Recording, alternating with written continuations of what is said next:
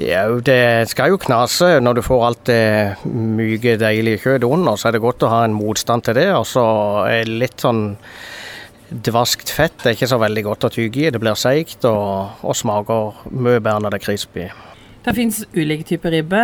Familieribbe, bl.a. tynn ribbe. Hva er på en måte den beste ribba? Her bruker vi eh, sideflesk med knekte bein. Det er det jeg har brukt her. Da eh, får vi et veldig godt resultat. Men er det sånn at det er store forskjeller på ribbe? Jeg tenker Det finnes ulike leverandører, det finnes ulike prisklasser, det finnes frossen og fersk. Ja, det er det nok. Det er nok ulike kvaliteter. Det kan du jo se på pris. Der er det jo mange som har eh, det forskjellige. Og så er det jo type stykke av, av svinet. For noen har jo med seg kotelettkammen i tillegg, som gjerne er et litt dyrere kjøtt. Så er det noe som er litt eh, behandla på forhånd. Det vil jo òg gjøre noe på prisen. Og så er det jo mange som lurer det til med å lage ei fin innpakning. Er det sånn at eh, pris og kvalitet går eh, hånd i hanske? Ikke nødvendigvis, for det, det, har Jeg mener jo at det har mye med Altså, alle de må jo følge reglene som er innenfor fettprosenter og vanntilsetninger og alt sånt. Så det er ganske å, å banne i kirka, men um, jeg kan gjerne bruke ei First Price-ribbe hjemme. Men det har jo noe med måten du, du tilbereder det på som gjør at, uh, at jeg kan tillate meg å bruke litt andre produkter. Og Da kommer vi inn på dette med tilberedning. Hvordan eh, tilbereder vi den perfekte juleribba? Ja, nå har jo vi eh, såpass avanserte ovner at vi får damp og alt mulig i de, og det får jo veldig mange hjemme òg. Eh, noen driver og snur og vender på denne ribba. Eh, det mener jeg er litt unødvendig. Men det som er lurt, er at du kan gjerne krydre den dagen i forveien.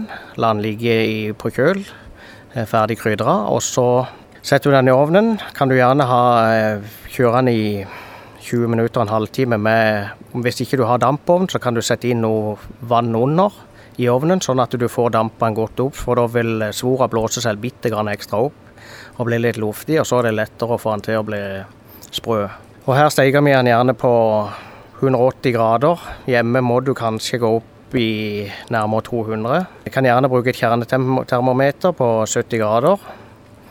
Og når det når 70 grader, så kan du sette den opp enda høyere. Og da er det jo om du tør å kjøre varmluft og grillelement, eller om du skal safe det og la den heller bruke litt lengre tid på så ikke det svir seg. Men noen legger ribba i langpanne med vann, noen legger den på rist. Er det noe som er rett og galt? Nei, det, jeg tenker jo at folk må prøve, prøve litt sjel, Og de, og, de, og de, vil ha noen. Har jo òg begynt å smakssette den litt eh, fra, fra utlandet med litt eh, chili, hvitløk, hvis de har lyst til å, å gjøre den litt annerledes enn tradisjonen. Jeg personlig liker jo ikke å tulle for mye med tradisjonen, for det har noe med det en er vokst opp med og er vant til. Så da er det noen eh, minner og sånt som kommer fram igjen.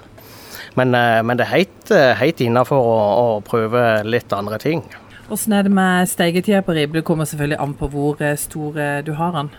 Du må iallfall regne et par timer, vil jeg tippe. Sånn. Og så er det jo bedre å uh, Hvis den blir ferdig litt før tida, så kan du heller la den stå og hvile, for da er mye enklere. og Da kan du gjerne skru ned ovnen noe, sånn at den står og hviler der. Og så kan du ta den ut på benken og la den hvile litt. Da er det mye lettere å kutte den. For hvis den er glovarm, så, så blir det fort at svora begynner å dette av. Og, så det, det, er nok lett å lurt å la den hvile 10-20 minutter før du begynner å kutte igjen. Nå er jo ribbe veldig tung mat, eh, men eh, hvor mye beregner du per person? Rå vekt så må du vel regne fort, for det er jo noe bein òg inni der, så, så, jeg vil nok ha sagt en 300 gram iallfall. Men så er det jo jul, så gjør ikke noe om du har en rest igjen til, til resten av jula. Så, for det går fint an å, Det er òg et tips, det er jo at folk står gjerne og stresser på julaften. Så går det fint an å steike opp ribba dagen før og kjøle ned, kutte den opp. Og så kan du jo dampe den opp igjen på samme måte, og så grille den på slutten. Det går jo helt fint. Det gjør vi jo her når vi holder på. Vi kan ikke stå og lage så mange julebord, og så, og så har vi ikke gjort forberedelsene. Da, da sliter vi oss ut. Og ribbe, er det typisk god restemiddag? Ja, det er veldig god restemiddag. Og så er det jo noen som vil gjerne gjøre noe annet med det. De, eh, det er jo veldig mange som har eh, på restauranter eller, eller kafeer eller andre plasser som gjerne bruker det som en type spare ribs. f.eks. Ja, det er jo egentlig bare fantasien som setter grenser for å, å gjøre noe ut av det. Og når ribba da er ferdig og man skal servere den, hva er det gode tilbehøret til en god ribbemiddag? Her så lager vi jo både surkål og rødkål fra bondene. Da er det jo å kutte den finsnittene. Hvis vi tar uh, rødkålen først, så tar du uh, for å ha den i ei gryte. Så tilsetter du litt uh, eddik, litt grann vann, appelsinjuice og karve. Litt grann salt og pepper og sukker. Og så lar du det koke opp. Og så kan du gjerne på slutten hive oppi noen eplebiter. Og så er det ikke så dumt å bruke litt av den steikeskya fra ribben og ha oppi. Nå eh, fikk jeg nesten litt sånn dårlig samvittighet, for jeg har jo aldri lagd rødkål sjøl. Er det helt innafor å kjøpe ferdig? Ja, det er helt klart innafor. Eh, og da kan du jo selvfølgelig prøve å tilsette bitte grann eh, Gjøre litt ut av det hvis du har lyst til det. Så bruker du bare vanlige eh, de posene fra Nora f.eks. Og så kan du tilsette bitte grann eplebiter etterpå, eller eller underveis. Eller så kan du bare en tradisjonell. Og den brune sausen sier sikkert du er kjempeenkel å få god? Ja, ikke nødvendigvis, men, eh, men, eh, vi har funnet en god måte å gjøre det på. Da bruker vi gjerne litt ribberester, eller så bruker vi det som er steikefeite, som kommer fra ribba. For det fettet er det jo veldig mye smak i.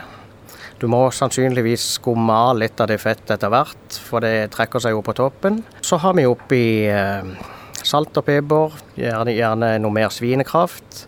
Og så topper vi det med julebrus. Julebrus? Ja, det må vi jo ha, for jeg skal jo få prøve å få litt julesmak i det. Så da tar vi, bitte, tar vi oppi noe CB-julebrus.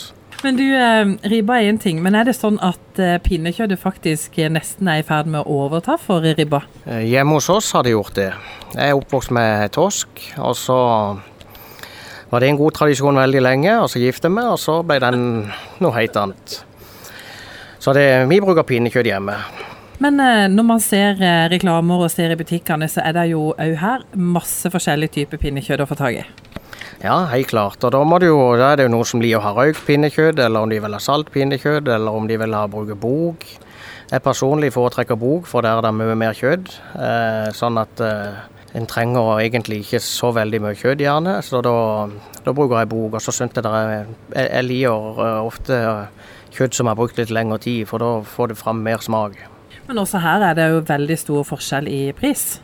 Ja, og det, da er det jo òg eh, Det kan godt være eh, at eh, lammet er annerledes, men den store smaksforskjellen tror ikke jeg nødvendigvis alltid kommer fram. Historien bak gjør ofte veldig mye smaken mye bedre. Bare se på posene, prøv å se om det er mye, om det er mye kjøtt på det iallfall. Og så må det jo være litt fett for at det skal være smak i det. Er det sånn at eh, pinnekjøtt er en rett som det er lett å lykkes med? Ja, det vil jeg si. For det, pinnekjøtt kan du iallfall eh, jeg, jeg gjør alt annet i forveien. Så kan du koke det ferdig. Og så Altså, du skal jo vanne ut først. Da er det jo noen sier du skal bruke 24 timer, noen sier 12 timer, noen sier at vannet skal sildre. Jeg personlig setter det i kjøleskapet i åtte timer. Jeg liker det litt salt. Ikke noe bytter, jeg bytter ikke noe vann. Og så tar jeg det ut, legger det på ei rist. I, jeg har dampovn, så jeg legger det på ei rist der. Og så lar jeg det stå til det slipper beina. Og Det kan jo variere fra halvannen til tre timer. Og Så er det jo viktig å spare, sett under ei, en tett eh, skypanne under, så du får ta vare på den gode kraften. Så egentlig er det lettere å forberede en god pinnekjøttmiddag enn en god ribbemiddag? Ja, det er, noe, det er jo for så vidt det. For du har jo det der elementet med den sprø svora som kan, kan være litt eh, tricky for noen. og det, det, er jo den ofte mange er litt sånn redd for. Men hvis du, hvis du tar tida til hjelp, så, så for stress gjør ofte ting noe verre. Så heller prøv å være ute i god tid, og så tenk litt gjennom det du skal gjøre. Forberedelser er som regel 90 av jobben. Men sånn av tilbehør til pinnekjøttet, da? Hva velger man? Jeg velger jo kålrabistappe. Og da bruker jeg gjerne selvfølgelig kålrabi, og så har jeg oppi noen gulrøtter. Og du kan òg ha i bitte grann potetser for at den skal være litt mer fast i seg. Og det er òg eh, ting du kan gjøre på forhånd, og så varme den opp dagen etterpå. Og så er det jo selvfølgelig eh, oppi med en god klatt med smør og salt og pepper. Det er stort sett det jeg bruker. Noen vil gjerne ha i eh, muskat eller noe sånt. Det, det, må, det må folk velge litt av de liker. Men eh, jeg er litt glad i det enkle. Hvor mye pinnekjøtt beregner du per person, da? Ferdig kokt så skal jo det være rundt 400 gram, for det er jo en del bein i det som, som detter vekk. Så ja, jeg vil tippe hvis du sier en halv kilo per person, og så skal jo det vannes ut, så, så ligger det godt innafor. Men eh, en siste ting jeg vil anbefale på på pinnekjøtt er jo det at det, det, er ekstra godt hvis du griller det på slutten, for da slipper det litt av fettet, og så, så er det lettere å, å tyge hele kjøttet. Men du er jo sørlending, eh, som vi hører, og du sier du er oppvokst med torsken. Hvordan er det for en sørlending å slippe en eh, sånn eh, tradisjon? Det går for så vidt helt greit. Torsk er jo noe vi spiser hele året. Pinnekjøtt og, ribbe er jo dessverre noe som en, noen har det som sånn at de skal bare spise det en gang i året. Men, eh, så, så, det er jo det som er forskjellen, da. Sånn at, eh, for min del så har det vært en fordel nå, for vi har jo stått og, jobba i den her eh, ribbelukta og alt sånt, så da kom jeg hjem og få noe annet. Det er egentlig veldig godt. men men jeg syns vi har klart det veldig godt. Men er det sånn at det er fortsatt mange som spiser torsk på julaften? Ja, jeg har snakka med de på brygga. De får, de får nok torsk, har de sagt. Så, så det er fortsatt folk som har det, altså. Og det syns jo jeg er veldig bra. Hva slags eh, tilbehør har du når du skal ha gode juletorskemiddag? Da har jeg, noen, da har jeg gjerne helt enkelt eh, kokte gulrøtter. Og så er det jo noen gode poteter. Mandelpoteter vil jeg jo bruke til alle de her julerettene. Noen sier at de koker i stykker, men har du eh, lite varme på hvis du bruker rist, de koker i rist eller damper de da i sånn, så, så går det veldig fint. Kan jo kanskje være at du, du vil ha skallet på. Eller hvis du tenker at oi, nå gikk det galt, så er det like greit å bare lage en puré. Det, så var det veldig godt. For det mandelpotetpuré er veldig, veldig godt. Og så er det noen som blir å ha litt stekt løk til. Noen bruker eh, lever og rogn hvis det er det tilgjengelig. Og så er det veldig viktig at du bruker riktig mengde med salt i vannet. Da bruker jeg gjerne å ha eh, ja, til fire liter vann, så kan du ha rundt 2,5 dl med salt. Så mye salt. Fisken trekker for så vidt til seg det saltet det trenger. Og så i og med at den er en saltvannsfisk, så, så trekker den til seg det saltet den trenger, og så, så er det greit. Men ellers av julemat, er det på en måte Nå vi vært innom kanskje det som folk spiser flest eller mest, men jeg har spist kalkun på julaften, syns det er fantastisk. Hva med lutefisk?